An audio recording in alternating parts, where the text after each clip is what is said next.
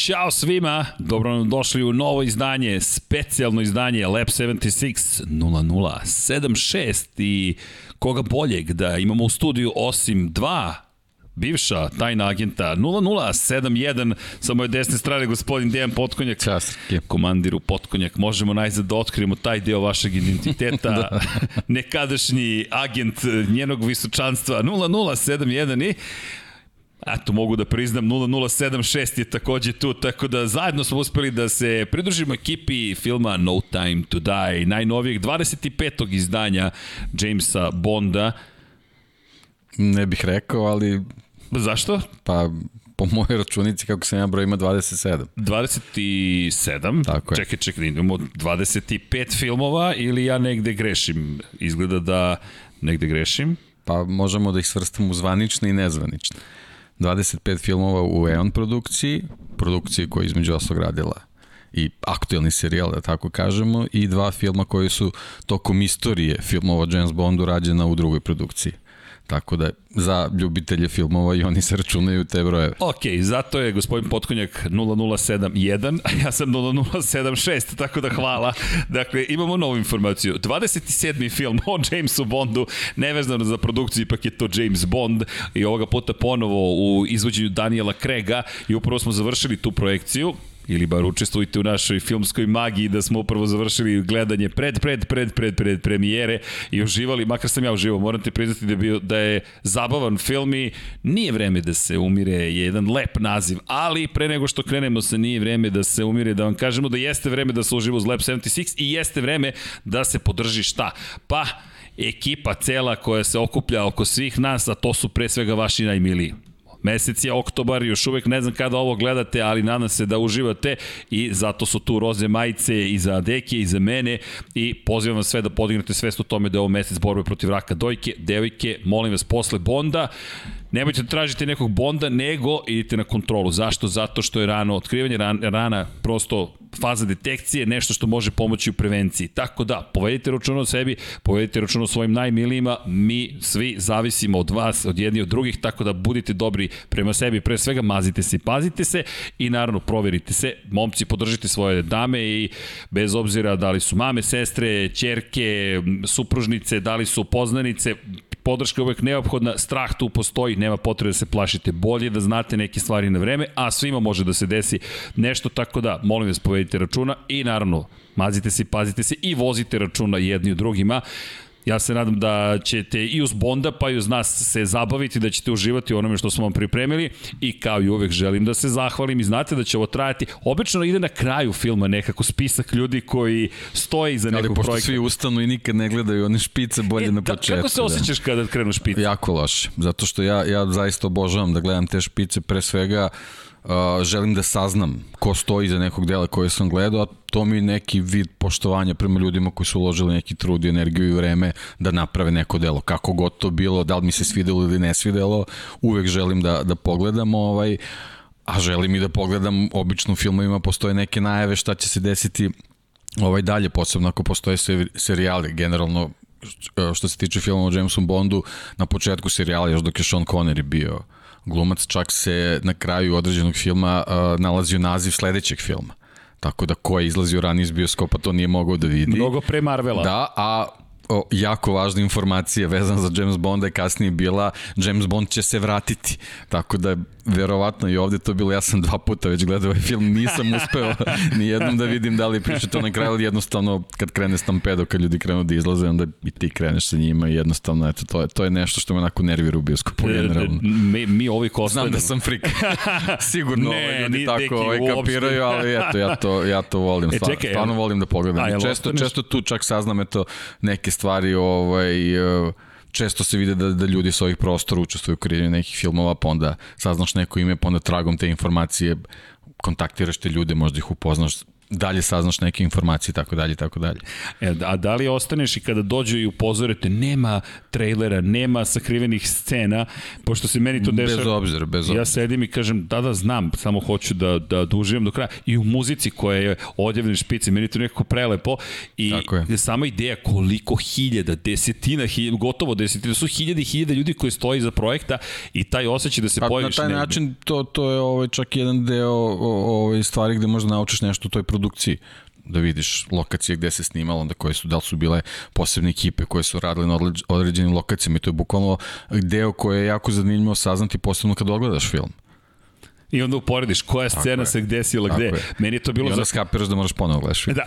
Posebno ako ti se svida, naravno. Ali moram da se vratim novo, zato što mi je to bilo vrlo zanimljivo kada je Casino Royale, od drugi Casino Royale se pojavio i gledam i razmišljam gde su snimali, pogotovo što u tom momentu kažu da se odigrava film u Crnoj Gori i, i razmišljam gde su, šta odličan, su snimali. Odličan primjer, tako je. I onda tako razmišljaš je. i gledaš i gledaš, aha, Karlove Vari, Prag, gde, ok, i u nekom pozdrav za naše prijatelji iz Crne Gore, ali železnica predstavljena u Kazino Royalu, ja je nisam sreo još uvek u Crnoj Gori, ne zamerite, ali nadam se da će biti takva. Malo mi zbunila, moram priznati, nisam u takvim kolima se još vozio, ali ok, ali bilo je lepo i zabavno i lepo je za promociju Crne Gore, bilo što se odigrava tako nešto, još Lazar Istovski u ulozi, jel te, jednog od ključnih da, igrača, pokeraš. pokeraša u toj celoj priči. I znaš šta mi je još bilo utisak? Mi kao kompanija, jedna od kompanija u kojoj sam radio, u kojoj, jedna od kompanija koja zapravo koja je i stala iza cijele ove priče, Huge Media, Mi smo jednom samo učestvovali u podršci filmu. Gordon Kičić, naš drugar, nas je nešto zamolio, zapravo Bogdana, jednog od osnivača, možete mi pomognete promociju na društvenim mrežama? Možemo, naravno, Gordane. Mi pomogli i Gordon nas stavi u odjevnu špicu. E, mi smo sedeli i ovako sediš u bioskopu i čekaš, čekaš, čekaš, čekaš, izađe, ono, brzinom sveta se rrr, huge media, e, huge media, aplauz sami za sebe. I sad zamisli sad taj neki čovek, neka devojka, neki momak, neko ko je toliko radio na sebi, školovao se, borio se i dobio svojih 5,5 sekundi.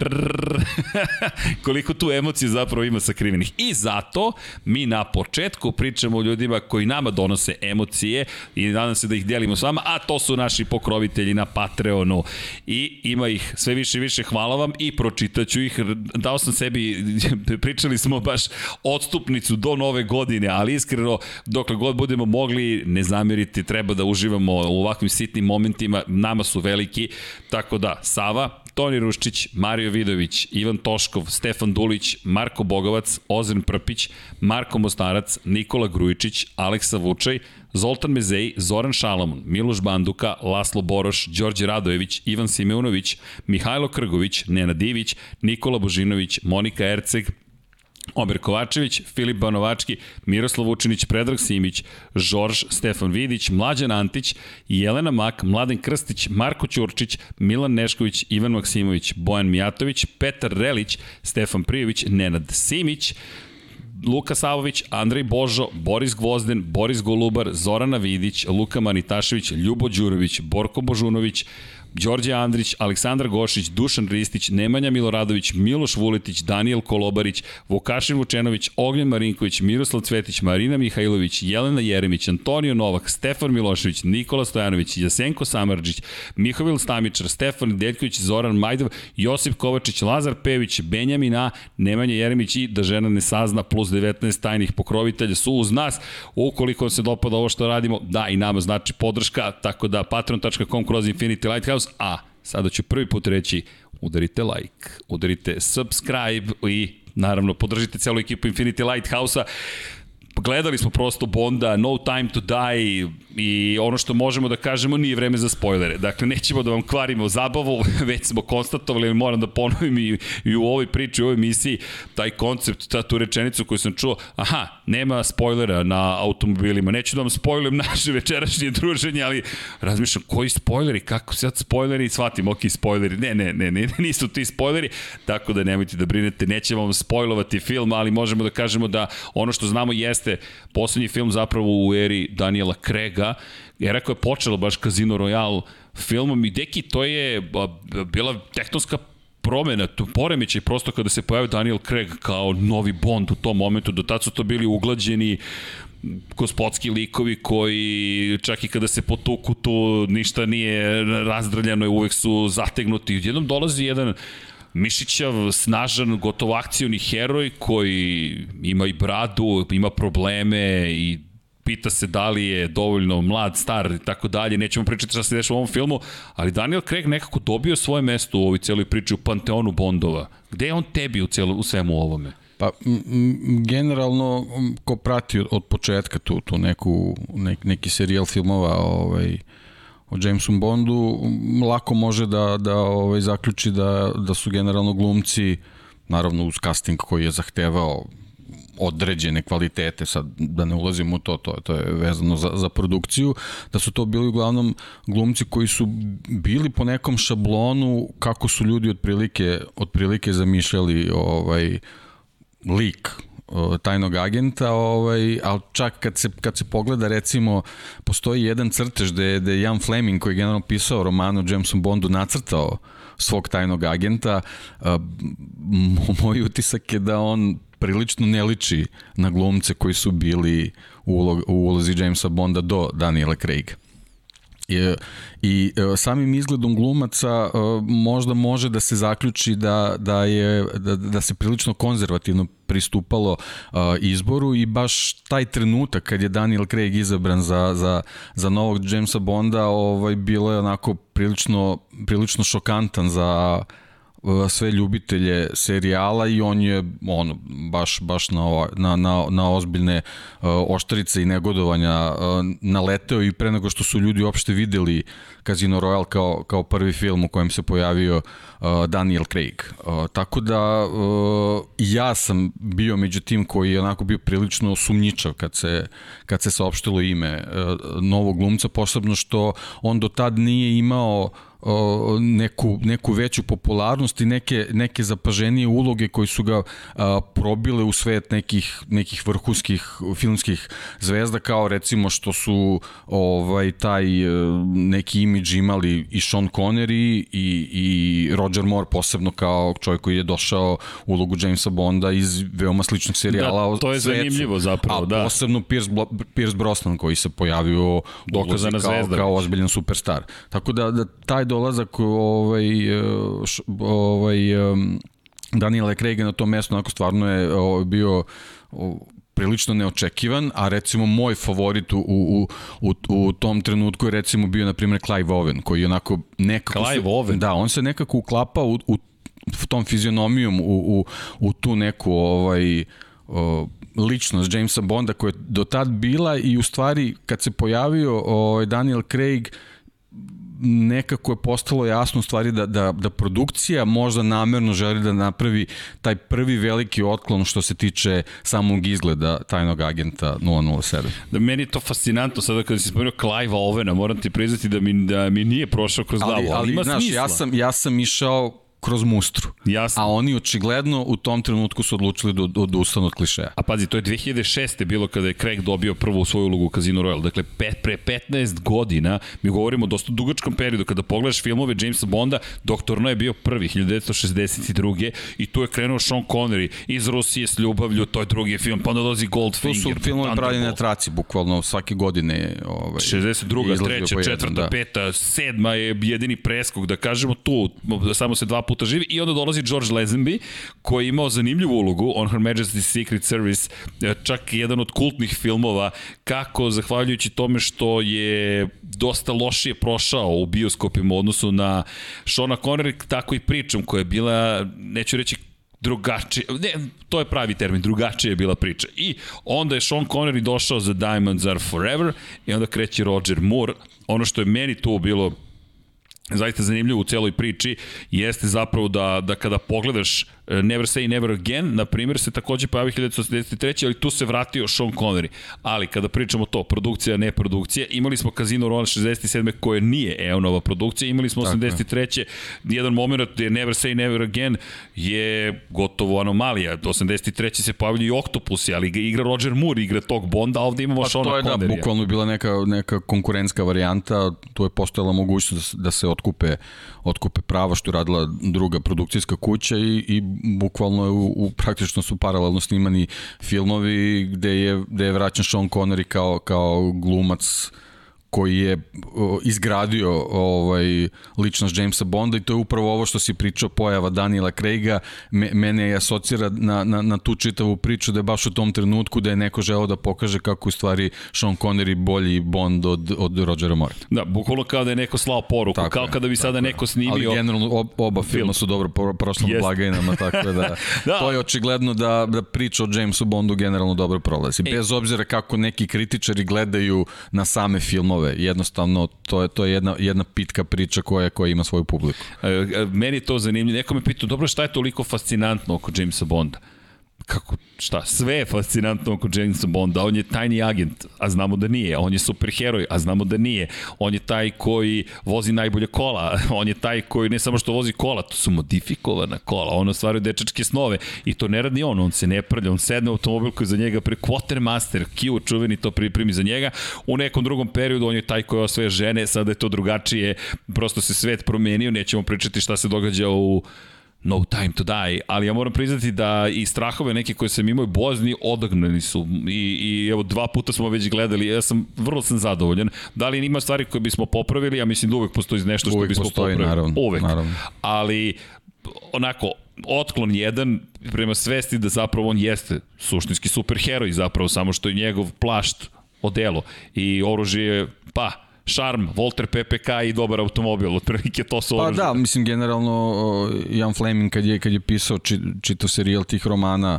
o, o, o Jamesu Bondu, on je, on je to radio u vreme kad su stripovi ono, doživjeli mega, mega ekspanziju, jednostavno ovo je, ovo je bio jedan način da, da se na, na, na tu neku modu odgovori nečim sličnim. I jednostavno on je, on je našao, ovaj, da, kako kažem, nekako evropski model za, za, za za, za priče koje su nastajale u Americi i jednostavno ono vreme koje je u tom trenutku već, već bilo na sreću prošlo, vreme drugog svetskog rata gde su se pojavili razni špijuni, agenti, dvostruki agenti i tako dalje i tako dalje, a, a to je bilo neko okruženje koje je Jan Fleming poznavao, on je jednostavno uh, iz tog okruženja, iz, iz svojih nekih uh, spoznaja i svojih saznanja kreirao ovaj, kao što si rekao, jednog superheroja koji je bio potpuno netipičan u odnosu na neke druge koji su spasavali planetu zahvaljujući svojim nekim supermoćima i tako dalje. Ali za razliku od superheroja, mislim da je ovo bio superheroj sa kojim je mogao da se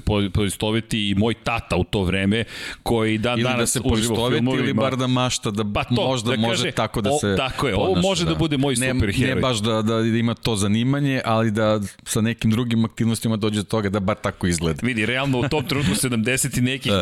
Spandeksu ti se pojavlja superheroj i ti kažeš, dobro, da. šta je ovo, zašto si se tako obukao za početak? Jameson Bondu ne možeš da kažeš da. zašto si se tako obukao. Da, bilo je čudno da, da baš u, u, u plavim helankama i crnim kupaćim gaćama izađeš i kao, a, ko je on? Pa on je superheroj, hoće da ih. Ako već lep smoking, onda, onda si skroz okej. Okay. Tako je, i znaš da. koje piće se pije i znaš kako se voze kola i radiš sve ono što žele da rade odrasli ljudi. Zapravo, možda je najbolji opis odrasli superheroj jeste da sada odrasli smo svi, pa nekako superheroji su deo kulture, ali kada su se pojavili, to je bilo više za tinejdžere, više za decu, teško je bilo prihvatiti Supermana kao nešto i ole ozbiljno, ili bilo kog drugog superheroja, Spidermana, Kapetana Ameriku danas, ili ne znam, Ironmana, sad smo došli do toga da mi zapravo, ovo mi sad, sad mi je sinulo negde, možda je on za odrasle superheroj. Mogu da odem, da gledam superherojski film, a da ne bude Pa da, čudno. E, jednim delom s tim što drugi, drugi drugi deo je vezan za sam scenariju i radnje koje su se dešavale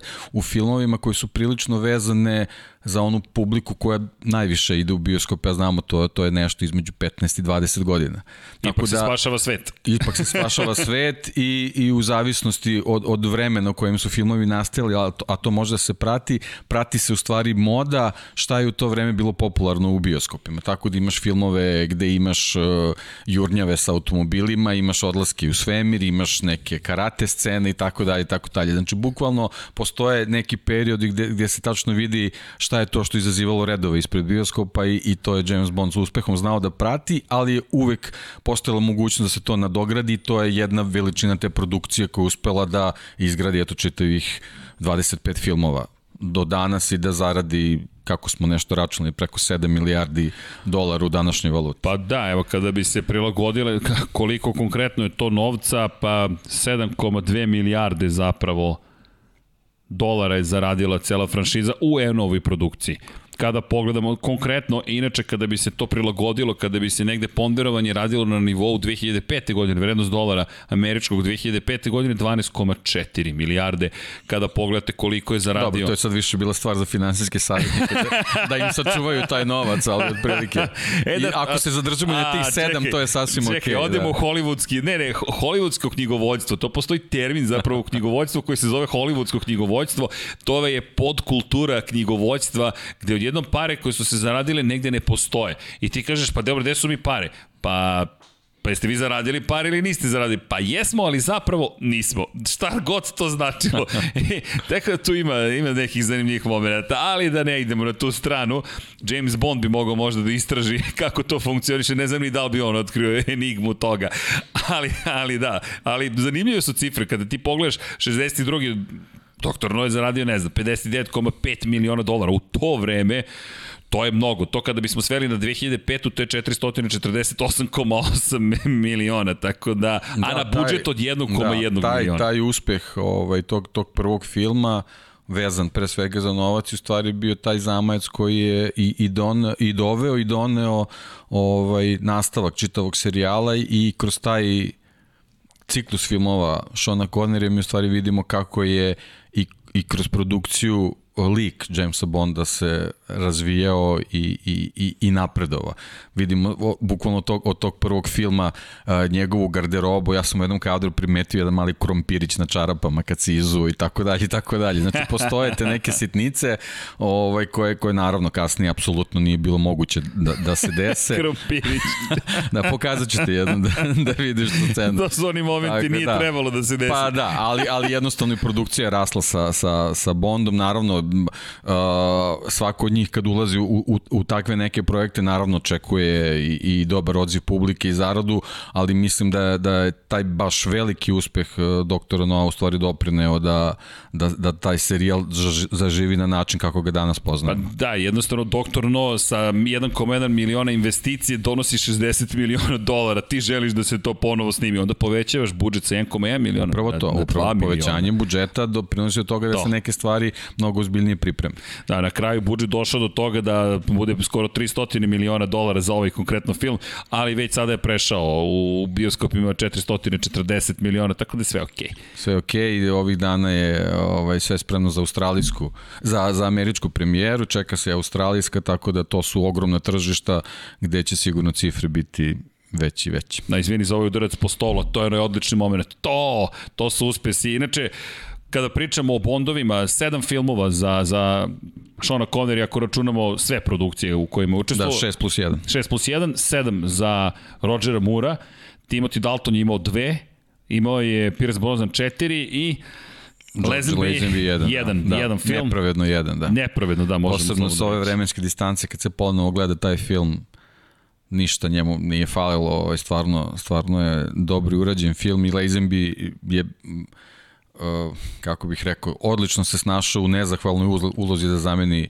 Shona Connerya kao, kao Jamesa I, Bonda i, i, i, i ja stvarno ovaj, preporučujem da, da ljudi pogledaju taj film da, da, bi, da bi u stvari shvatili uh, na koji način su se glumci tada pripremali za, za te uloge. I sa scenarijom koji mnogo više podsjeća na ono što danas imamo. Tako sa scenarijom koji je tada bio teško prihvaćen jer su hteli superheroja svi i ne nešto realnije, ne, jer čak i najbliže Flemingu zapravo ono što su radili sa Lezim Da, da, to je bio u tom trenutku trenutku eksperiment gde su shvatili da to ne treba, da je u stvari još nije vreme da se tako nešto uradi. Pa pazi No sa, time to die. Da, no, no time to change.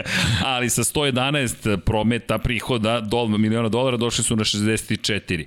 Za prvi je to možda bilo dobro, za sada već sedmi film šesti film, to je već bilo problematično i taj pad su nadoknadili Diamonds Are Forever su odjednom vratili Bond u velikom stilu, ali Daniel Craig, kada govorimo o njemu, ta, tu eru koju je otvorio Pet filmova, Casino Royale, Quantum of Solace, Skyfall, Spectre i No Time to Die. Pri čemu je Skyfall najuspešniji bio iz perspektive novca koji je zaradio preko 1,1 milijarde dolara samo taj film. Skyfall i muzika i priča i sve što su učinili, mislim da to bilo zaista fenomenalno. Craig 2012. godine najzad bio prihvaćen, inače zanimljivo da je Daniel Craig rekao da mu je teško bilo da se, da se navikne na slavu i da ga je Bond iz jedne, iz jedne perspektive čak i uništio, da je došao do stadijuma da ne može da podnese da, da nema gde da se kreće više. Jednostavno on je sada James Bond, on više nije Daniel Craig i svi žele samo jednu fotografiju, samo jednu fotografiju. Na planeti gde ima 7 milijardi ljudi koji žele samo jednu fotografiju, to bude mnogo fotografija. Daleko toga da je, ne, da je rekao da, da to mu ne odgovara što se desilo,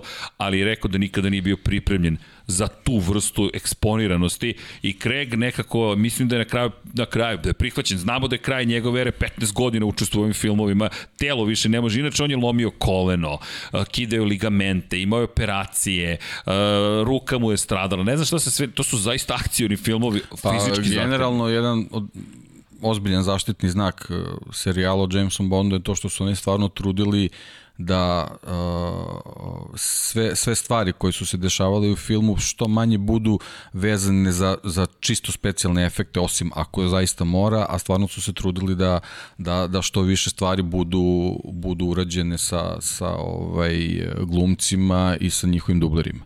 Tako da to je to je jedna ono stvarno veličina i, i meni je konkretno kad sam klinec bio ovaj serijal zapao za oko pre svega zbog one scene iz čoveka sa zlatnim pištoljem i, i one kaskaderske kaskaderskog prelaska automobilom preko vode. U principu taj, taj AMC Hornet, to se zaista desilo i to je snimljeno, snimljeno iz prvog pokušaja sa samo sedam proba.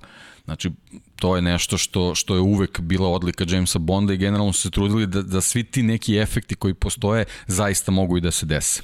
E, je li to bio čovjek sa zlatnim pištoljem ili je Live and Let Die? Ne, Man with the Golden Gun, sigurno. Da, da ali se da. tu uh, vratio šerif čuveni američki tako se pojavlja, jeste, tako sad sam se setio. Je. Ali to je, je.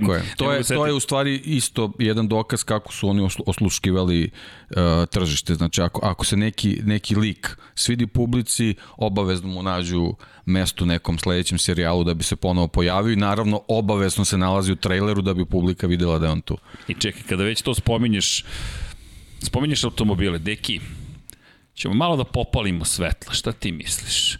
Pa. Ipak smo odgledali film, da, smemo da se dotaknemo nekih stvari u filmu. Kako Možem. reći nešto o nečemu o čemu ne smeš da pričaš. To je to je novi izazov ovoga puta. Dakle prošli put kada smo sarađivali sa ekipom i i koja je zadužena za ceo ovaj film bila i kada smo sarađivali sa sa da kažemo Hollywoodom. Smem da kažem sa kim smo sarađivali? To okej, okay, sa Taramountom, sa ekipom iz Taramounta. I onda razmišljaš šta ćemo da pričamo o serijalu uh, koji je otišao u svemir u tom trenutku i razmišljaš, čekaj, sve su brži i brzi, Fast and Furious, kao, ok, ali možemo pričamo o filmu, šta smo videli, kakve su scene. I onda kao, moment priče, Da li možete da napravite specijal, ali da ne kažete ništa o filmu jer je hashtag no time for spoilers? Naravno, nema nikakvih problema. Kako da kažemo, mnogo, ni o čemu, nema problema. Tu sam ekspert. U svakom slučaju, ali možemo da upalimo svetlo, molim vas, i da malo promenimo posle projekcije atmosferu, da popričamo malo više o automobilima, da vidimo šta smo mi to sve, uf, svetla reflektora, to, je, to su svetla reflektora, ok, u, hoćemo morati malo da prilagodimo. Namestili smo rasvetu, sada možemo lepo da komuniciramo. Deki, ok, ovo je onaj moment kada se završi sve u bioskopu ili zapravo počinje sve, sležu se utisci i onda možemo da izađemo ispred i da pričamo o onome što se događalo. I kada smo gledali No Time to Die, dosta ljudi je ostalo posle filma da razgovara o filmu. Meni je to prvi signal da su nešto dobro uradili u filmu, da je da je se zapravo nešto desilo što te tera da razmišljaš o filmu. E sad, ja bih se zadržao na momentu koji si spomenuo, scena u kojoj mi imamo koja situacija, pravi filmski moment, kažeš, ovo je ta magija, koja je magija, pa kažeš, sve se ovde dešava u nekom drugom svetu, međutim, ovi ljudi su se zapravo potrudili, ovo je nešto, jedan prosto rekvizit koji ja mnogo volim, ali u kojem Oni su došli, uzeli automobil i zaista snimili skok preko reke. I to je nešto što ko je igrao 4D uh, racing, na primjer, zna kako izgleda igrica iz 90. 91. Ali deki, meni to fascinantno i uopšte taj kult automobila koji ima James Bond. To da, je nešto kult automobila koji jednostavno,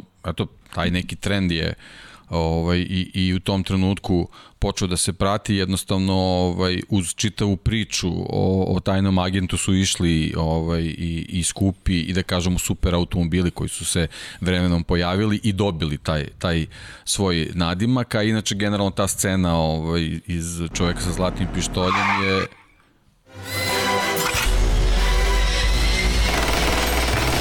Deki, o čemu se ovde radi? Magija filmska? Moj računar! Deki, uništili ste mi računar. Ali, Quartermaster je pripremio drugi. Ili ti ekipa Infinity Lighthouse-a je spremna na sve.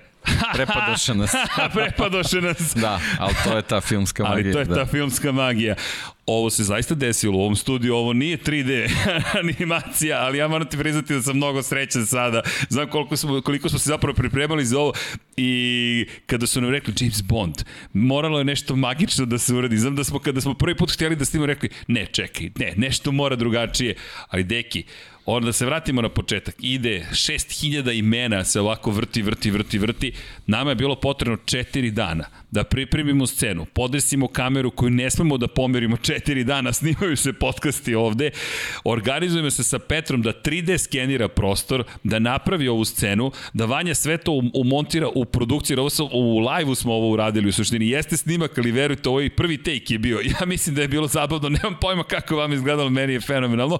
Bogdan koji je pritom dizajnirao još gomilu nekih stvari i onda sediš i razmišljaš, čekaj, četiri dana za nešto što traje 12-17 sekundi izgleda fenomenalno. Ljudi, ja sam potpuno oduševljen, ovo je augmented reality, bukvalno uživo i onda shvatiš magija baš magija i odlučili smo da sobu gde su kreativci sada zovemo magična soba jer ona jeste filmska magija.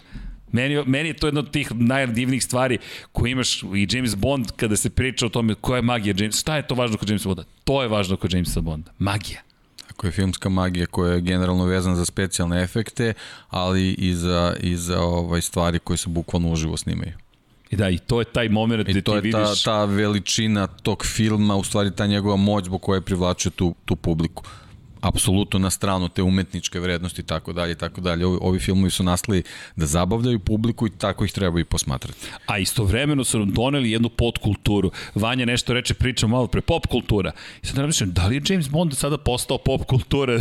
Gde je James Bond u celoj priči? Ali toliko lepih stvari ima. Evo, gledamo sada ovu našu sekvencu i pre ponosni smo, vjerojatno ćemo puštati još ko zna koliko puta. Sebi smo je već puštali x puta, ali deki kada pogledaš kako uopšte počinju James Bond Bond filmovi. Tu postoji sada već neki set, uslovno čeno pravila, ali koliko god da su pravila, uvek izgleda nekako novo. I meni No Time to Die je fenomenalan bio iz perspektive uvodne špice. To je sekvence koje dolazi, kako ide zapravo? Šta si rekao? Uvod, pa, pa onda dolazi špica. Svaki, svaki Bond film ima, ima uvodnu scenu u, u, u kojoj postoji neka akcija na, ne, na neki određeni način i onda se ona uklapa u, u jedan animirani deo gde obavezno je pokrivalica ta glavna numera koja, koja prati svaki film i, i to je nešto što je očigledno i produkcija i, i Albert Broccoli kad je krenuo sa, sa snimanjem tog serijala imao na umu kako će to se razvija godinama i to je nešto što ja zaista cenim zato što ja se generalno u nekim svojim aktivnostima i svojim radovima vodim time da, da kad nešto krene da se radi mora da ima neki svoj početak početak, ne, ne, neku razradu i, i neku završnicu, tačnije neki cilj ka, ka, ka, ka kome se teži. Tako da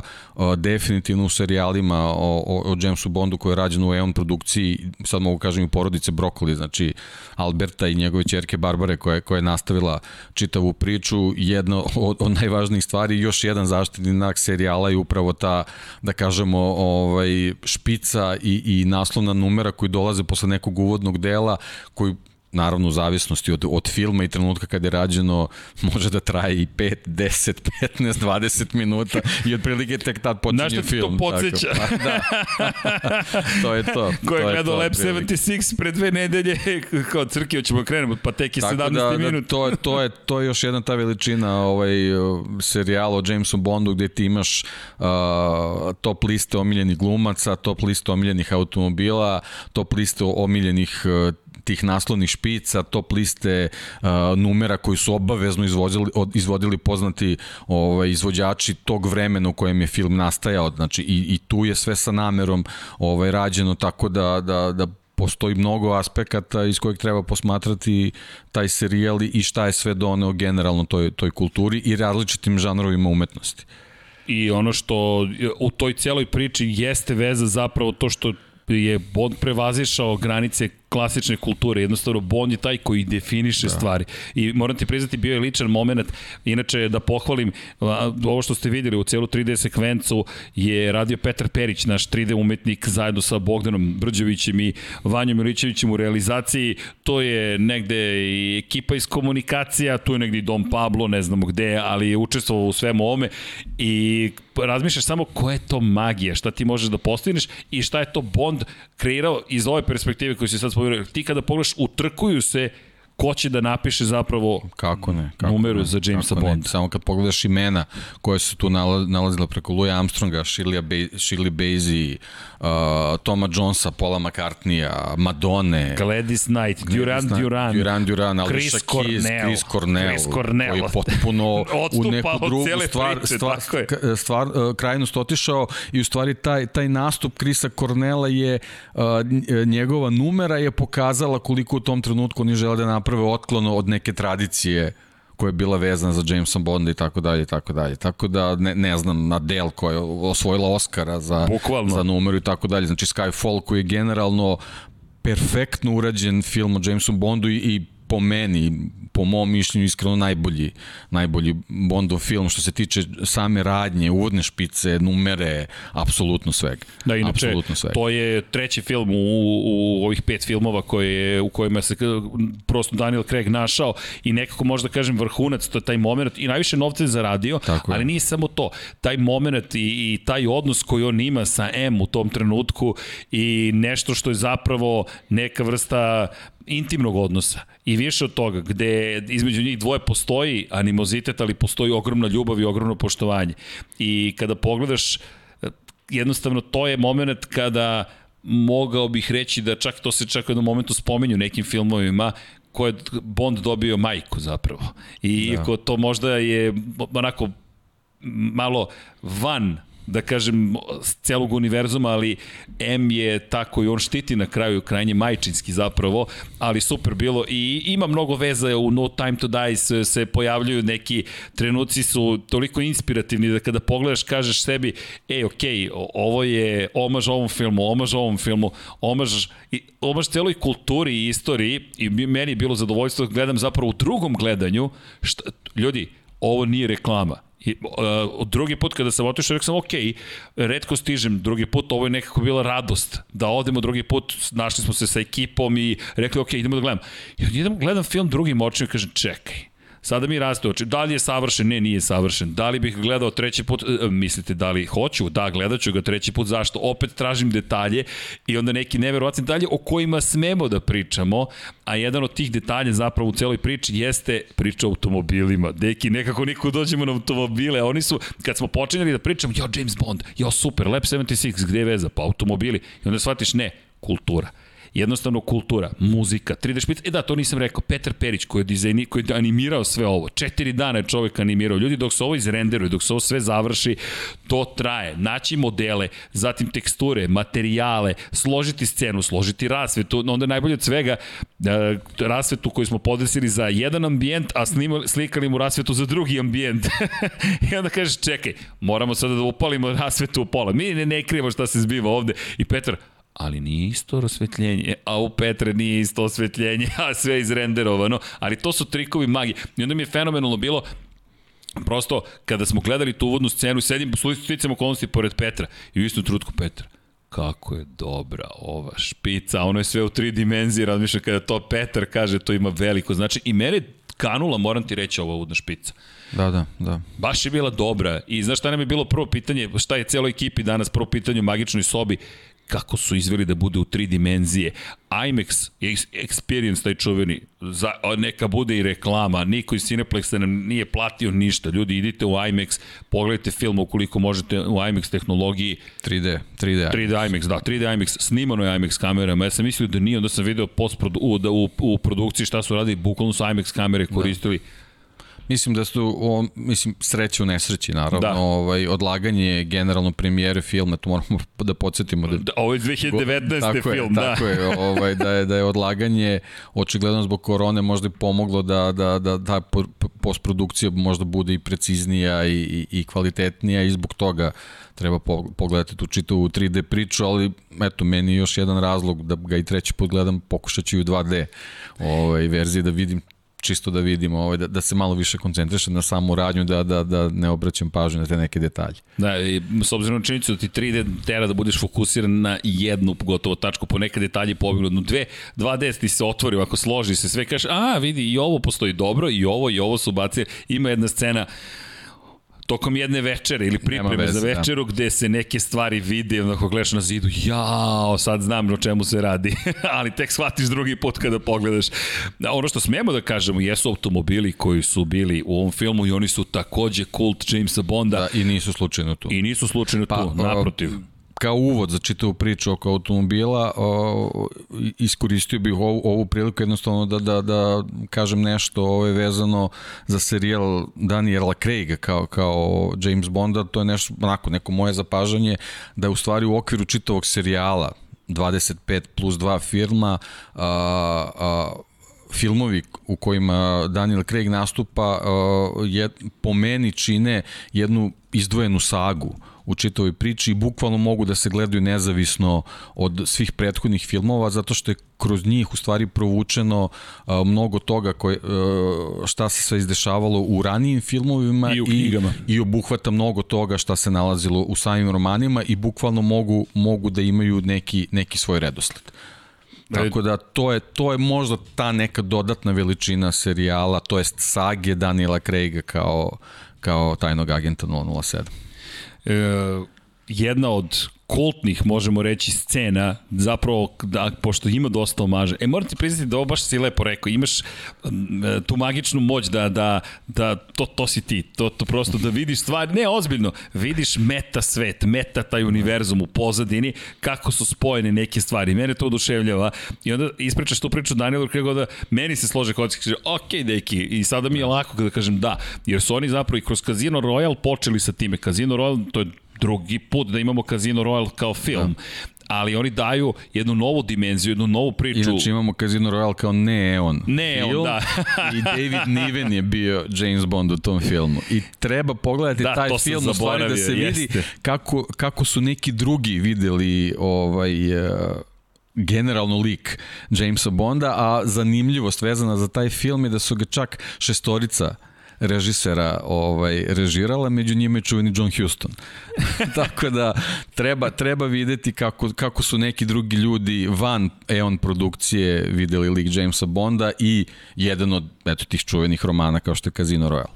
Da, inače kada pričaš o Davidu Nivenu, mi pričamo o legendi praktično i, i pozorišta i filma i vrlo je zanimljivo da potpuno sam zaboravio čeka ne smem da je on zapravo između ostalog bio Bond, ali eto koliko zapravo ljudi je predstavljalo Bonda koji opet na, kao što kažeš na jedan drugi način predstavio taj ceo lik. Da i to je bilo potpuno jedno, ono, dozvoljeno, legitimno, znači apsolutno prihvaćeno. Ops, apsolutno nije bila potreba da, da, da se glumci koji, koji igraju Bonda uklapaju u kliše svog prethodnika. Po meni jednostavno je tako trebalo da bude. I mislim da svak svako od njih je doneo ne, ne, neku ovaj svoju dozu upečatljivosti, uključujući ovaj, i Lazenby, eto, koji je ni kriv ni dužan da ovaj, dobio priliku da, da, da, da bude samo u jednom filmu, pa čak i Timothy Dalton, koji uopšte nije, nije loš glumac, naprotiv, ovaj, koji je dva puta bio, bio James Bond i to isto u nezahvalnoj situaciji ovaj, između Rodgera Mora i Piersa, Bro, Piersa Brosnana, tako da ovaj, jednostavno pao je zaborav, ali sad sa ove distance kad se pogledaju ti filmovi, apsolutno se uklapaju u čitavu sagu. Naravno, da. ima i, i boljih i lošijih, i od jednog glumca i od drugog, ali generalno treba, treba sesti i pogledati bukvalno hronološki kako, kako se razvijao James Bond i kako su se razvijali glumci kroz te likove. Pa, uključujući Daniela Craiga koji je, kako si rekao, 15 godina je 15 godina čovjek predstavlja lik Jamesa da. Bonda i ostaće trag iza njega. Da. Ostaće upečativ da. trag iza James Bukvalno, iza... bukvalno scene kad, kad izlazi iz okeana u onom plavom ali glupo da ja to pričam. O, ja možda pamtim još trebaju, jednu scenu. Trebaju da pričaju, da, do, ali, do, do scena u ovom filmu, naravno nećemo reći. Da li ti to je. možda omaže jednom drugom Jamesu Bondu, zapravo gde neko drugi izlazi iz okeana, ali u naranđastom kupaćem, da, da. gde je potpuno druga scena, gde smo imali inače, ta, ta, da, inače ta, ta scena sa, sa, sa Danielom Craigom mu je prilično pomogla da ga prihvate pre nego što je bila premijera filma.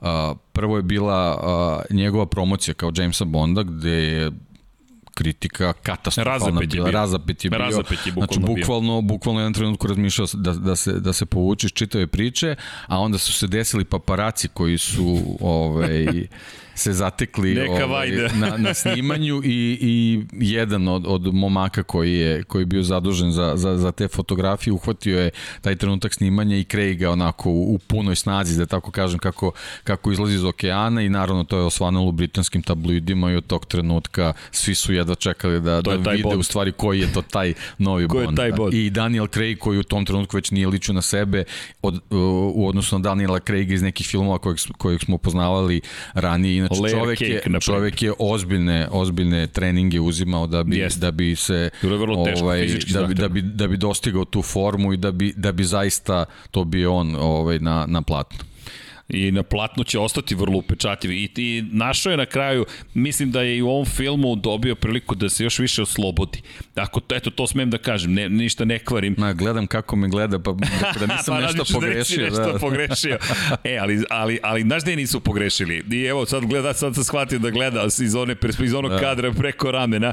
E pa neka baci pogled na sto, pošto smo pripremili poslastice za nas ljubitelji automobilizma i ljubitelji četvorotočkaša i, i sve perspektive prosto kontinuiteta i veza i omaža. Imamo cijelu jednu ergelu koju smo vam pripremili i krenut ćemo naravno od Aston Martina DB5 deki. Ajmo. A kultni automobil. Da li postoji veći bondovski automobil od ovog automobila? Trebalo je da postoji. Šta želiš ti da, da kažeš? Da. Pogledaj ti koliko je to lepo.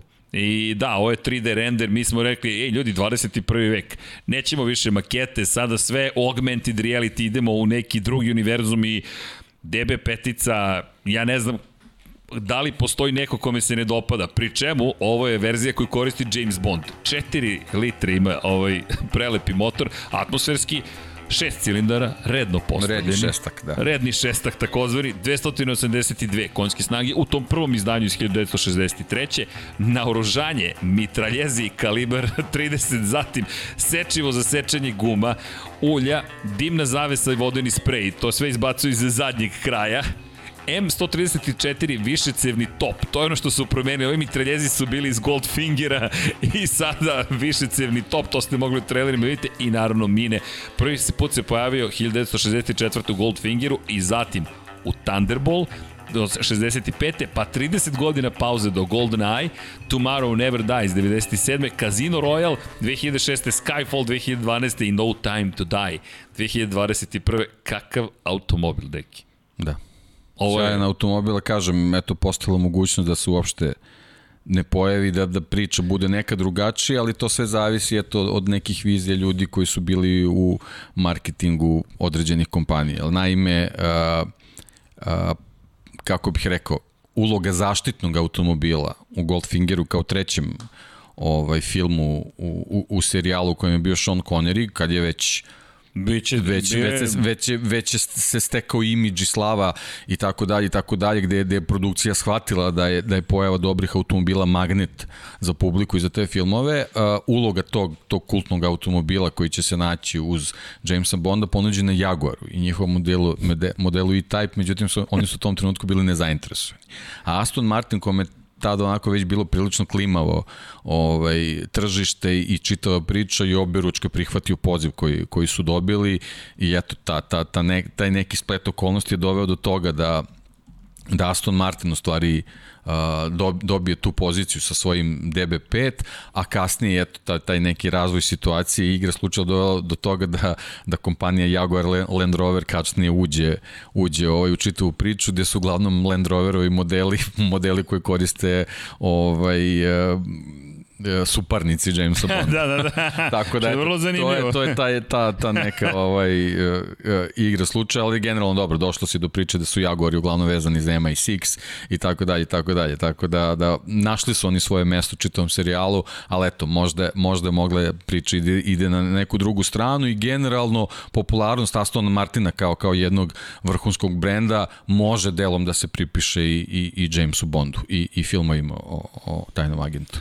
Da, i jedni povezuju, nekako su jedni drugi spojili da. u celoj priči, ali fenomenal meni bilo kada smo videli prve trailere, kao, ok, vraća se Aston Martin DB5. Jednostavno, mislim da i Daniel Craig pomogao dosta u tome, jer kada smo malo više, kad, makar ja, kada sam više analizirao kada je sve korišćeno ovaj automobil, Goldfinger ti je u, u glavi, meni u glavi. I to ona čuvena scena i kada ga jure i prvi put kada lansira protivnika i vraćam se na, na zapravo Skyfall, u momentu kada M i on beže za Škotsku i on, ona priča i priča i priča i priča i kritikuje, pošto sa desne strane je, jel te volan i on ovako otvara Pre, otvara da. menjač. Poklopac na menjaču. Da, poklopac na menjaču i ovako drži prst nad crvenim dugmetom i M kaže hoćeš da me lansiraš? da. da, mama, hoću, ali da, to su, to su, ne smem. to su ti omaži koje spominješ, ali su generalno ponovo iskorišćene uh, situacije kako bi saga Daniela Craiga bila kompletna. Jeste. Meni je to bio da, mnogo lep pomerat. Da, da. Omaž automobilu, omaž situaciji, omaž Seanu Conneriju, omaž konačno i... Da, inače generalno automobil koji u, u, u serijalima Craigovim više puta biva uništen, tako da to je, to je još, još taj, taj jedan detalj koji je generalno vezan za, za Daniela Craiga, jer on je, on je prvi James Bond koji je mogu da se isprlja i da bude ranjen da ima i fizički bradu. i psihički, da, i, da ima ra, bradu i da, da ovaj, malo, da pita malo da li... pretera sa alkoholom tako, tako i tako dalje. Što i tako sve dalje, u da. duhu tako Flemingovog, tako je, Jamesa Bonda. Tako je. I, I ta pitanje, da li, da li te vreme pregazilo znači, do, ili nije? Do, do Daniela Craiga ovaj, ozbiljna, ozbiljan uh, poremećaj lika i dela Jamesa Bonda je bilo pojavljivanje Pirsona Brosnana onako zaraslog u bradu sa dugom kosom u, jednom, u jednoj sekvenciji ovaj, filma, tako da, da eto, to, to je to je nešto novo što je što je Craig generalno doneo doneo taj taj serijal. E, ne bih da ako smem da to ni dalje spojlovanje, ali povedite računa Odd Job takođe je dobio na jedan specifičan način omažu u ovom filmu, pa ko voli Odd Joba iz Goldfingera i, i to se na neki način vidi, iako je to samo detalj, to baš morate da pratite situaciju, ali mislim da će vam se dopasti ta scena ko voli malo starije filmove, jer to je čo, inače 282 konjske snage u današnjem univerzumu to je deki Pa, okej. Okay. Da, okej. Okay. Ali ništa, 1963. Da. godine mi govorimo o sportskom automobilu. Mi govorimo o nečemu što ti želiš da imaš i estetski i brzinski i nešto u čemu možeš da se trkaš zapravo. I to je ono što je meni fenomenalno u cijeloj ovoj priči. Mi ne pričamo o pukom automobilu koji je jednom postao popularan. Ne, ne, ne. Ovo je ozbiljan automobil. Da, bili su u teškim problemima u Aston Martinu, ali je automobil, 282 konjske snage, i danas treba da poštujete takav automobil. Ovde nema kontrole proklizavanja, ovde kočnice nisu najmodernije, ovde je menjač od drveta je glava menjača. I gume su prilično radijalne. tako je. Uski je dosta i tako. Tako da mi ovde pričamo o nečemu čime je trebalo zaista upravljati i naravno lepo je vidjeti novije izdanja, ali prosto da. A danas, danas su srećnici vlasnici ovakvih automobila. Jeste, milion da, dolara, gledali smo. Da. Milion dolara početna cena, tako da, da eto, za da. jedan cool milion možete biti vlasnog Aston Martina, ali to nije jedini automobil koji smo imali prilike da vidimo u ovom filmu. Ovo je sada već starija da, verzija. Pa, da kažem, ono je, ono je prošlost, ovo je, ovo, ovo je sadašnjost. sadašnjost ovo da. je sadašnjost, da. Ovo je da. Aston Martin Superleggera DBS, za DBS, da. da. da i izgleda moćno. Pravi, pravi super automobil. Da. da. Ovo je nešto, specifikacije automobila su takođe impresivne. Kada gledamo tamo imamo redni šestak, kada govorimo o super leđeri imamo zapravo duplo više cilindara, 12 u V rasporedu. Pa to je onako redni šestak, V8 i V12. To su, to, to su neke to. koncepcije to koji bi bilo glupo odustati. To, da. to. I atmosferski motor, zapravo 5,2 da. litre, ovo se čuje da. Samo da znate, ovo se čuje i to se ozbiljno rekao, čuje. slušaš kako srči. da, bukvalno. Da. I 715 konjskih snaga, inače 2019. godište u pitanju, već se pojavila nova verzija, ali Tad je sniman film, da, je. da. Da, i generalno uh, ti automobili koji su najnoviji, najmoderniji, koji se pojavljaju, generalno se u filmu pojavljuju naravno u dogovoru sa, sa Aston Martinom, tako da smo ovaj, u Spektri imali model DB10 koji je stvari bio prototip i koji je najavljivao DB11 koji je bio kasni serijski model koji se zaista pojavio. Da, ali i ovo isto bilo lepo, prosto je lepo videti ovaj automobil. Ne, izuzetan vrhunski super automobil, Jest. to je Nešto što bismo želeli da, da je ovako zaista stoji u originalu, ne samo u tri dimenzije, ali ovako u tri dimenzije izgleda fenomenalno. Da, prosto. inače ove godine prešli 007 edition, tako da, da to, to je u stvari omaž filmu i zbog tog čitavog zakašnjenja koji se desilo zbog korone, ovaj, eto, i, i na taj način je napravio neki link između uh, Jamesa Bonda i Aston Martina. Inače, naoružanje nam je nepoznato, možda i nije, morate da pogledate film, s obzirom na činjenicu da se prvi put pojavljuje, pa neka to ostane za vas da otkrijete ukoliko budete pratili film, ali je bilo fenomenalno videti automobil, jednostavno sediš i gledaš i kažeš, ok, to su ta nova vremena i taj, taj, taj lepi skokovi, lepi spojevi, Hvala Vanja, ovo je sve, e, magična soba je ovo sve, sve stvorila i izgleda nestvarno, sediš sa, sa ekipom i kaže, momci, možete da se uredi? Može. Da. Inače, kad se spominje DBS, treba naravno spomenuti DBS V12 iz, iz Casino Royale. Da, da, da. Film da. koji je i, i u Guinnessovoj knjizi rekorda zahvaljujući onoj čuvenoj sceni sa, sa, onom, sa prevrtanjem. Sa saltom, sedmostrukim saltom da. koji je zaista napravljen. Ovaj, I to je nešto što je onako stvarno bilo u tom trenutku ovaj, snimiti izuzetno veoma teško ovaj, i to su, to su neke stvari koje su ovaj, ljubitelji automobila posebno pratili i to su neke scene koje su korišćene u trailerima kako bi se, kako bi se privukla publika. Tako da to je jedna od kultnih, kultnih scena iz, iz prvog filma Daniela Craiga gde je i on na sebe ovaj, obratio pažnju, a dešava se posle one, one, one njegove situacije kad mu je pozvalo, kad je bio na ivici smrti i tako dalje, što je bilo isto do tad onako nešto što se nije viđalo u, u, u serijalima o Jamesu Bondu. Pa da, taj moment prosto u kojem ti kažeš, ej, čekajte, o, James Bond, ovo se ne dešava sa Jamesom Bondom, o ne, to jest o da, ovo se dešava sa ovim Jamesom Bondom kojeg, mi, kojeg ćemo mi gledati, tako da moram priznati da, čekaj, imamo, pa konačno kada pričamo upravo o tome, e, Vanja, ili imamo možda trailer, ako se sećaš sa motociklističkim skokom, e, na kraju trailera, na kraju trailera mislim da imaš baci, pobacit ću ti pogled, sad mi je palo na pamet. To, Vanja, va, pa to je ta ekipa, pa, pa, pa, pa. Ovo ste videli u izdanju Infinity Lighthouse-a. Vraća se na veliko platno i brate pažnju na kraj ovoga trailera. Nije vreme. U, kakav skok, deki. Samo kratak, ali taj skok je upravo zapravo to izveden, da, da. Da, to je zapravo izveden skok. Ovo nije 3D, ovo nije Peter renderovao, nije magija iz magične sobe. Ne, ne, ovo je neko seo na motocikl i rekao... To je, to je kao, kao onaj skok što smo spominjali čovjek sa zlatnim pištoljem. To je, to je ta neka kratka sekvenca koja se jako dugo radi, jako dugo priprema, ali generalno kroz istoriju obeleži taj film. I meni izgled, iskreno kad sam prvi put uh, gledao trailer uopšte o filmu, ovo, ovo mi je zapalo za oko. Ovo je, ovo je bilo meni fascinantno izvesti. Moramo da saznamo ko je ovo zapravo. Made by Paul Edmondson. o, pa zašto, zašto ja uopšte pitam, moramo da saznamo, da, zna se ko zna. Da, da. Petrostruki svetski enduro šampion, poznati kao Fast Eddie, on je, on je zaslužen za, za ovaj skok i eto, jedna zanimljivost, uradio ga je na svoj 50. rođendan.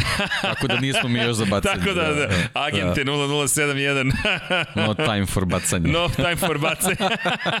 A ne možeš ti bez da. Fast Eddie Tede, da, da, da. Nedi. Ne može, ne može, da. Ne znam zašto Paul Edmundson fast edit, ali okej, okay, okej. Okay. Ali je fenomenalno. Da. Zaista je fenomenalno i, i moram priznati da u toj cijeloj priči ti gledaš i, i pitali smo se da li bismo mogli to da izvedemo, Peter rekao može, ali mi treba malo više vremena za to sve što ste smislili u četvrtak da ja vama isporučim za ponedeljak. Tako da, da pe, mislim da Petru treba bolje render, 3D render mašina, da nabavimo, da ga obradujemo nečim da, i inače scena krenemo. se dešava u jednom jednom italijanskom gradu i generalno je vezana za uvod pre, pre ovaj, uvodne špice ovaj, i to je još jedna, jedna stvar o kojoj nismo uopšte pričali vezano za, za film o Jamesu Bondu, izuzetna posvećenost u biranju lokacija gde se dešavaju Jest. scene. Jest. I, i, I zbog toga je ovaj film stvarno po meni super uređen. Ali ništa ovaj ništa, ništa više. rekli nismo, za sad, sve vam rekli jesmo. U, ovom u ovom trenutku pričamo o tome i po tom pitanju Skyfall ne prevaziđe. Znaš šta si mi sad dao ideju? Jao Vanja, jao, možemo sada specijalni automobil, onaj plave boje, da bacimo pogled. Kada pričaš o lokacijama, neću previše da otkrivam, mi smo namerno promenili, ali, e, dame i gospodo, Lada Riva 1300 je tu pred nama i da, milicija juri gospodina Bonda. Gde ga juri, saznaćete ukoliko odete i pogledate film, ali mi smo kada smo videli da imale Ladu Rivu kao jedan automobila, svi samo ovoliki osmeh na licu. Hoćemo da renderimo Ladu Rivu, naravno da ćemo da rendemo. Deki, ovo je automobil koji je, znaš da ekipa, nisu oni klinci, ali su dosta mlađi od ovih agenata, oni su, koji bi broj njima uopšte pripao, stoji nešto. ali, Pitao me, pa Srki, kad je napravljeno automobil? Kažem, 1979. 1980. izašao iz produkcije. Stvarno? Pa izgleda kao da je iz 50-ih, 60-ih. Pa zato što je zapravo napravljen pod uticem Fijata jednog, ali zapremljena 1300 kubika atmosferski motor, broj cilindara 4, raspored redni. redni, šta je ovo? Četvorka redna. ovo prilike, sad ovo ide u Hayabusu, ali dobro. 71 konjska snaga, ej, čekaj, to je pojačana neka verzija, to je najjača verzija ikada na oružanje. Mi smo morali malo da se našilimo, neka nam ne zamere niti u Ladi, niti vlasnici Rive dizajn, brzina i pouzdanost, to vas može dotući u ovim automobilima, ali morali smo da se smejemo i prvi put makar da mi znamo pojavljuju se u ovom filmu No Time to Die, u svi filmovi u kojima se pojavljuju No Time to Die, ali naš miljenik najče od svega kada ga jure u Vladi Rivi, ovako razmišljam, ok, ovo ide u specijal o Jamesu Bondu, Samo ti izmam osmeh na lice, ništa drugo. A o, prikazat ćemo vam posle još jednom cenovnu sekvencu zašto da vidite šta je sve to renderovao zapravo u celoj priči Peter. Imate i ocijaj na računaru i ja moram ti priznati gledam, je li računar nije računar, šta je čak i 3D računar napravio, ali da, Lada Riva, jeste. Ovo, ovo više hvalimo ekipu, pa i nas same. Prosto smo ponosni, to je magija, igramo se I kako smo ovo napravili, mi ne znamo, mi smo seli za sto, ali zna ekipa iz magične sobe. No, Vlada Riva, da. Ali ima tu nekih ozbiljnih još automobila. Šta si rekao? Redni šestak, pa V12. V8 i V12. Šta nam nedostaje onda? Mislim da nam nedostaje jedan automobil da bismo potpo... O, hvala Vanja. Kakav automobil, deki? Ne znam ko je veća, veća čokolada, ko je veća bombonjera. Ovo je inače V8 Vantage je u pitanju i izgleda takođe spektakularno. Aston Martin V8. Tako da znate, to je gospodin enciklopedija živa, nemam potkonjak, šestak, V8, V12. Tamo i gospodo, to imate ovde i naravno Ladu Rivu kao poseban poklon ekipe Lab 76. Deki, ovo je zaista prelep automobil i ovo je na neki način, postoji jedna važna scena negde na početku filma, prva možda trećina filma, koja, moje mišljenje, ne mogu sada da otkrijem, je direktna veza zapravo sa Timothym Daltonom i Tomorrow Never Dies, a to je makar moj utisak, jer kada pogledamo ovaj automobil, mislim da u toj cijeloj priči zapravo nalazim nešto što je omaž, ne, ne, izvinjavam se, da li je bio ne, ne, ne, Living ne, ne, Daylight. Uh, The ako Living misliš, Daylights, ako moja misliš na, na, Tako na je, The Living Daylights. Living the, uh, da. Tomorrow Never Dies je Pierce Brosnan. The Living Daylights i taj moment ovog automobila i neka scena koja ima neke druge veze da sada ne ulazimo dalje, ali meni je bila vrlo emotivna scena. Ima dosta emocija u ovom filmu i kada je reč o ovom automobilu, inače vrlo moćan automobil, hvala vanja iz perspektive još nečega. 6,4 litre, 6,4 litra deki i atmosferski V8. To je to je muscle car, to je kada uđete unutra, vi ste kakav Vin Diesel, James Bond, dami i gospodo, to on ima najbolja kola na svetu. 405 konjskih snaga, 1987. Ljudi, 400 konjskih snaga upravljajte time, pri čemu, ajde što upravljate, nego imate na oružanje dva prednja raketna projektila, zatim dva laserska sekača su ugradili u automobil i Ne znam zašto, ali mehanizam za samo uništenje. Znači, povrh svega. Da, imao je, je mogućnost za ometanje radio, radio veza. Čak, čak se zna neka frekvencija, mislim da je nešto 96 MHz ili tako nešto bilo, ovaj, tako da, da od KGB je baš bolela glava od, od ovog automobila. U svakom da. slučaju, automobil Mislim koji... da je imao, čini mi se, head-up display. To je, to je nešto što je bilo kao, ma daj, kad će ovo da se pojavi, da li će ovo ikad biti automobil? Jeste, head-up display, tako je, tako je. Da li će se pojaviti? da, da.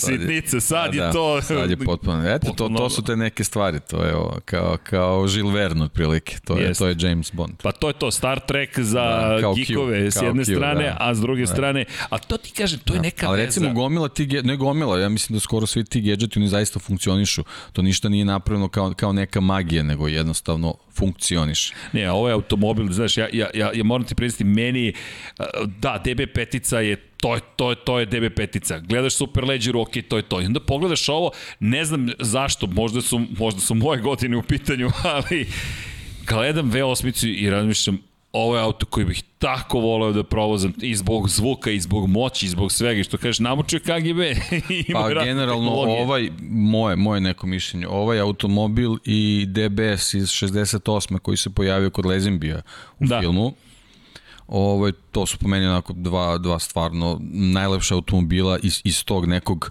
među, među vremena i neke među faze Aston Martina. Inače, kad već pričamo o, o, o sagi Daniela Craiga sa ovim filmom vezano za Aston Martinove automobile koji se pojavljuju u filmu, nekako je povezana ta prošlo, sadašnjost i budućnost, pošto se u jednoj sceni samo pojavljuje Valhalla. Va, da, da, da, da, mi go, Valkira?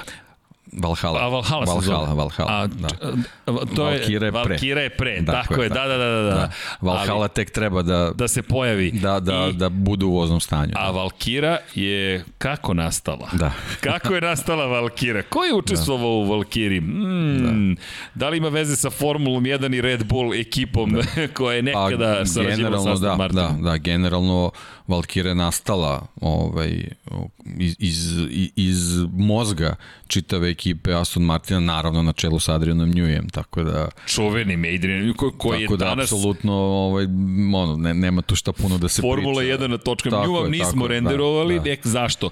Pa pogledajte film i možda obratite pažnju zaista na detalje, u jednom trenutku, ne James Bond, jedan drugi protagonista, pa, I to je još jedna lepota filmova, stalno, stalno dodajemo još nešto, još nešto. To, to su ti neki sitni detalji na koje treba obraćati pažnju. Ja smem, ne smem, ali hajde ovako, scena može da se direktno poveže sa Formulom 1 ko dovoljno prati razvoj bolida Formula 1.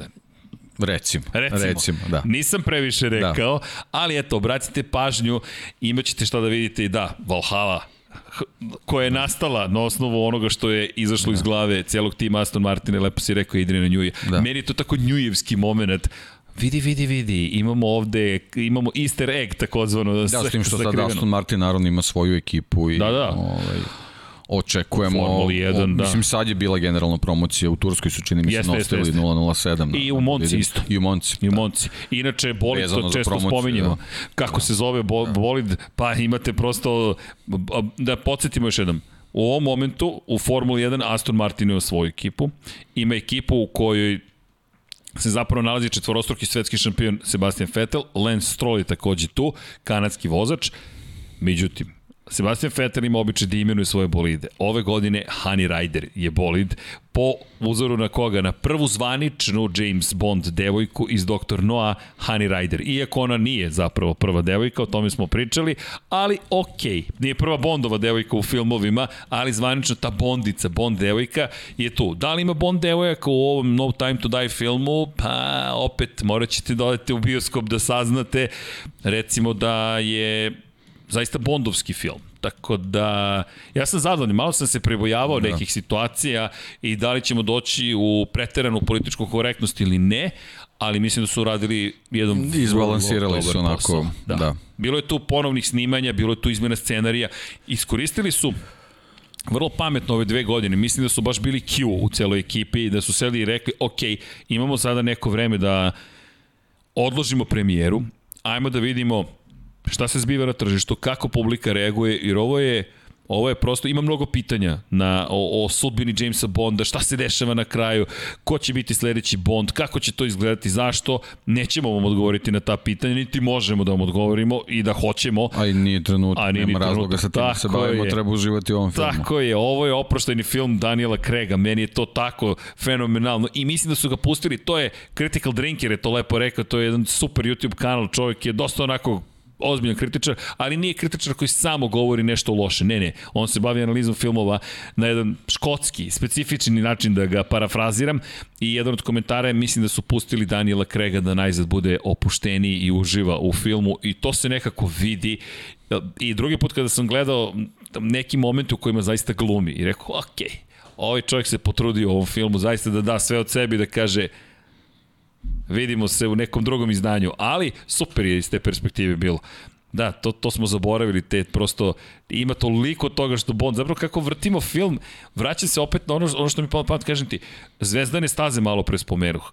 Zvezdane staze ne privlače baš svakoga. James Bond može svako da privlače. To može da bude čovjek pored koga si prošao. U odelu koji seda u neki super automobil i odlazi na tajnu misiju. Nije baš tajna kad sedeš u super automobil, ali okej, okay, tu smo sad u onom delu, malo se pretvaramo, a s druge strane nije, nije super junak, nije prosto no obučen toliko ekstravagantno da ne možeš da ga ne primetiš. Da. I nije u nekom vremenu koje za nas ne dokučuju, nego možeš da ga smestiš u sadašnju Tako situaciju. Je, Bukvalno svakog možeš da smestiš u sadašnju situaciju. Da, mnogo lepih veza u ovom filmu. Baš da. ima mnogo lepih veza. S tim što sinoć kada smo gledali ponovo film i Peter je tu i samo gledamo koja vozila i šta sve možemo da renderimo. Petre, ovo nam treba. Hoćeš i ovo, hoću. Ajmo i ovo da uradimo. Tako da ko zna šta će se da štrči iz studija na kraju univerzuma. Ali ekipa je baš bila, baš i spremna zapravo. I, i deki, kada, kada razmislim, ne znam kako će, šta, sve, šta će sve dalje da rade, ali ovaj film zaista meni nekako lep zaokružen taj ciklus od 15 godina Daniela Pa, kažem, zaokružen je serijal praktično svih 25 filmova po meni i zaokružena je ta mini saga Daniela Craiga koja onako stvarno ima svoj početak i, i jednu efektnu završnicu. Eto, to je, to je nešto što je, što je meni onako utisak svih ovih pet filmova u, u, da kažem, u, u njegovoj režiji, u njegovoj, pa, njegovoj ulozi, on je na kraju krajeva bio i koproducent ovaj, poslednje tri filma, tako da, da ovaj, prilično, prilično je učestvovao u, u, u razvoju čitave priče. Da, i da spomenemo režisere, Sam Mendes je režirao prethodne, ovaj prvi put da imamo Kerija Yoji Fukunagu na, na, na, sa dirigentskom palicom. Da, da Sam Mendes je u principu od Skyfalla stvarno doneo taj, taj, taj neki novi duh. Njih dvojica su sarađivala na filmu, mislim, mislim da je kod nas preveden kao put u prokledstvo, jako jako zanimljiv i prilično neobičan film, mislim da iz 2002. godine. Road nje... to Perdition. Pa da, ali ne, ne znam da, kako ne znam preveden kod nas, ali da, tako, da. tako nešto, da. Ovaj, jako zanimljiv i neobičan film, posebno kad, kad se prvi put gleda, pošto već u, u sledećem gledanju malo, malo neke situacije su predvidljive, ali ti ovaj, generalno u njemu imaš ovaj, poznate glumce koji, koji se uh, Tom nalaze, Hanks tu Tom Hanks koji se nalazi u potpuno atipičnoj ulozi za njega, da, za, da, da. za njegov lik, ovaj, Ovaj, tako da, da to, to je ono što je stvarno, ne znam, Paul Newman, koji mi je to jedan od poslednjih filmova ovaj koji je potpuno ulozi koja koja nije nije ovaj očekivano onda kom, kompletan taj taj razvoj situacije te scene i tako dalje i tako dalje i mislim da je taj film bio razlog zašto je Craig predložio da Sam Mendes dođe i da radi da radi Skyfall upravo zato zato što je njima trebao jedan netipičan bondovski film. Ali i mislim da su apsolutno uspeli u tome, po meni Skyfall je najbolji Bond. Sam Mendes koji ne režira često Dakle, da, vrlo je da. mali broj to je, da, filmova da, to je njegov, on, on generalno je takav stav zauzeo od, od početka svoje karijere i kad je radio Skyfall bio onako poznat jednoj, jednoj uskoj, uskoj grupi filmofila.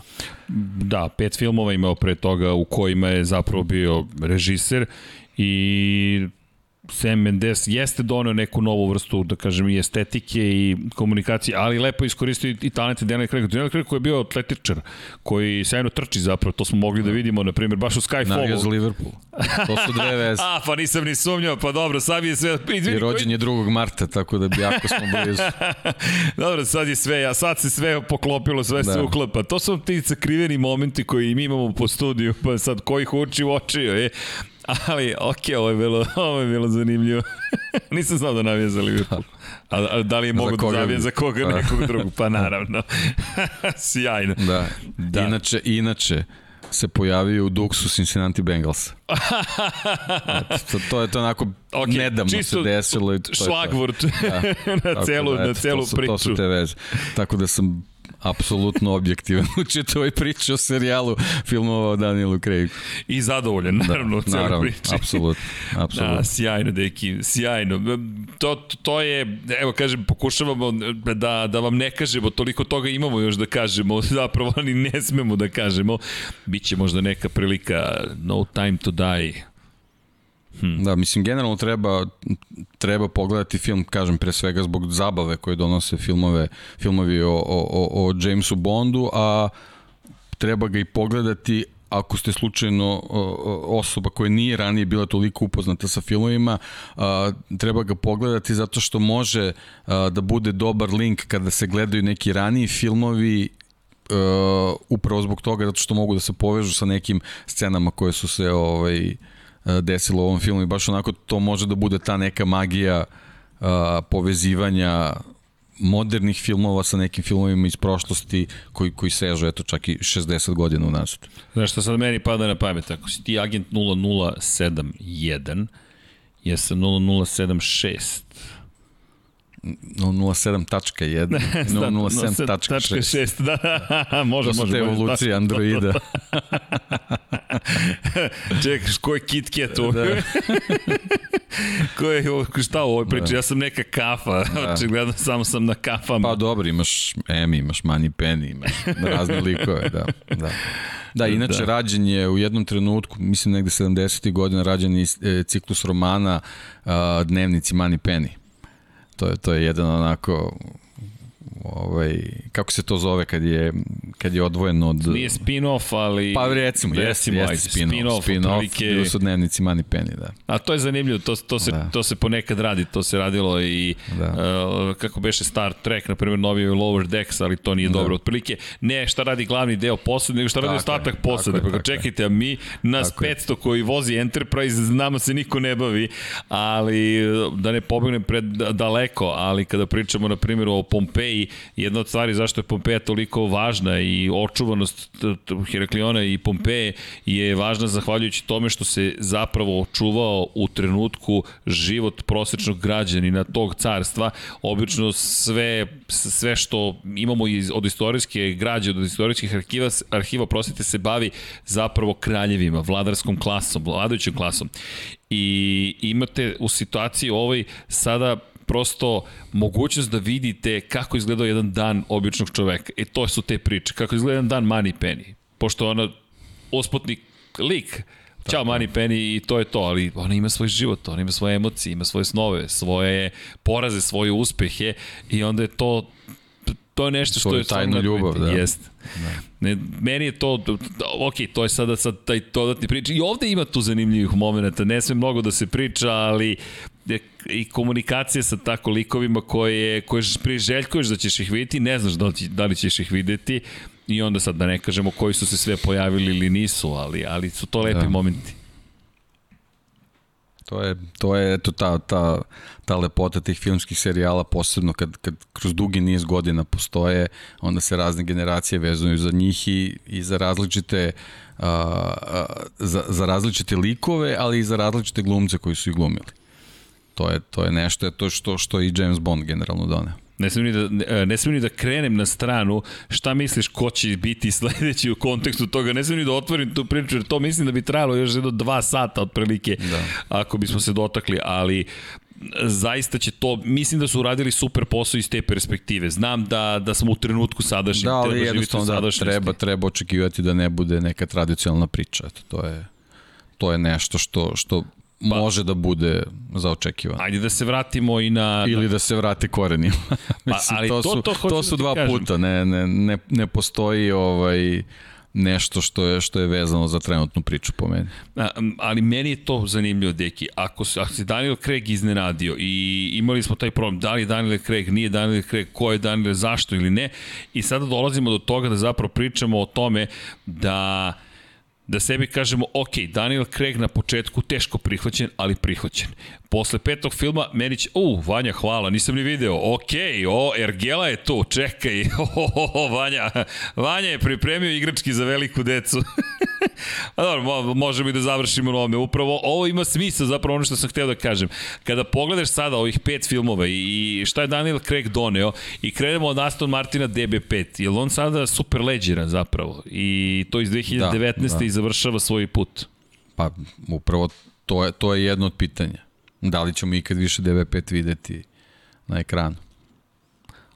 U Lab 76 hoćete. A da li u Jamesu Bondu, da. pa ne znam, morat ćete da, da saznate Dalje generalno da, ne, ne smo više da se pitamo zbog spoilera. Ovde spoilera nema. A ovde spoilera nema. Dobili smo i Ladu Rivu. Tako, eto, to smo spojlovali možda do nekle, ali nadam se da nikom neće smetati. Deki, Šta ti kažem, hvala kao i uvek. Ja mislim da bismo mi mogli da pričamo sada naširoko i naveliko, ali negde moramo da napravimo zaokruženu priču i mislim da smo da. to i učinili. Pogledajte obavezno No Time to Die. Zaista, a nije vreme za umiranje, ali jeste vreme za bioskope. IMAX 3D s razlogom, pogledajte što kaže Deki u 2D, I ima tu stvari koje bismo menjali, popravljali, drugačije možda napisali, sredili i tako dalje, ali kod nas nije režiser, producent, kritičar, glumac, šta god. Konačno mi smo iz sveta sporta, pa znamo, svi smo selektori, svi smo šefovi timova, svi smo vozači, svi znamo kako to da se izvede i kako to zapravo treba da izgleda, ali cijeloj ekipi čestitke, pogotovo Danielu Kregu, i ja moram da priznam da je meni neverovatno zadovoljstvo i čast da radimo zajedno ka i ti i ja za ovim stolom i cijela ekipa koja se ne vidi i koja je stvorila sve celu ovu filmsku magiju u, kao zvanični zapravo partner jednom filmu Jamesa Bonda. Pa upravo to, kad neko ko, ko, je, ko je deo i praktično zastupa tako jednu veliku franšizu kakav je James Bond za naše tržište, onda prepozna da je ovaj podcast mesto gde gde treba pričati ovaj, o, o, o Bondu i, i, i našu publiku zainteresovati da pogleda to stvarenje, onda stvarno ovaj, malo je reći kao da si počastvovao.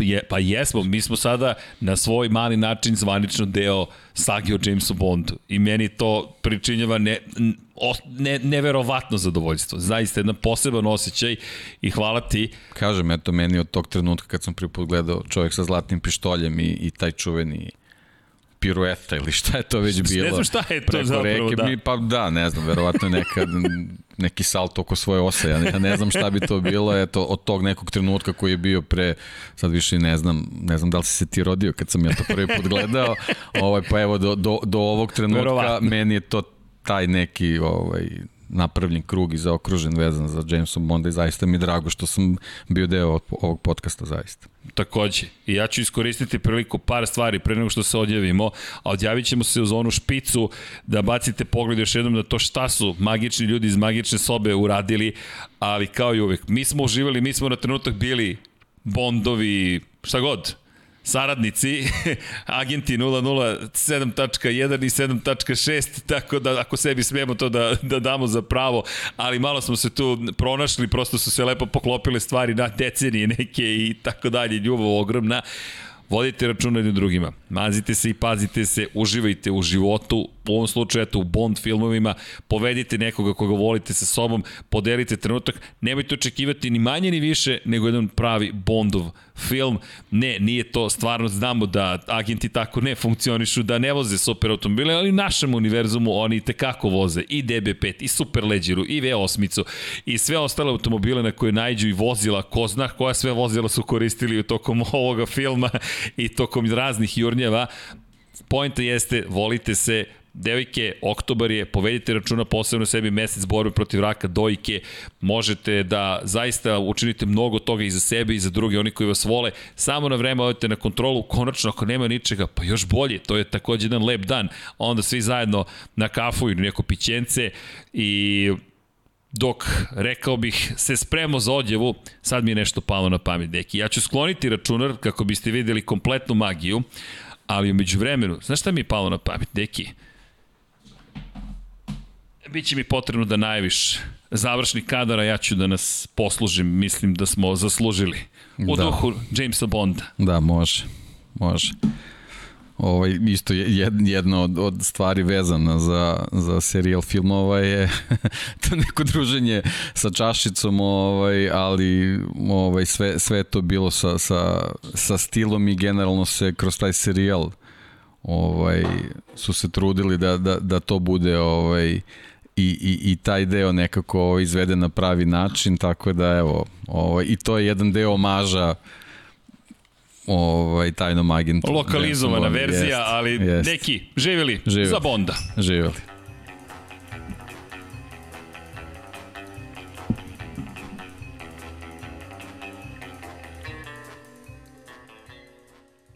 Izvolite magiju.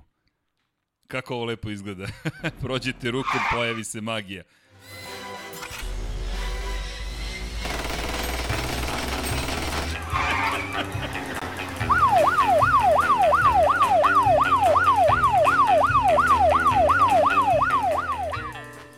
Bio je Lab 76 007.1.7.6. Nadam se da ste uživali. Veliki pozdrav od nas dvojice, cijela ekipa Infinity Lighthouse i Lab 76. Budite dobri, volite se i ćao svima. Ćao.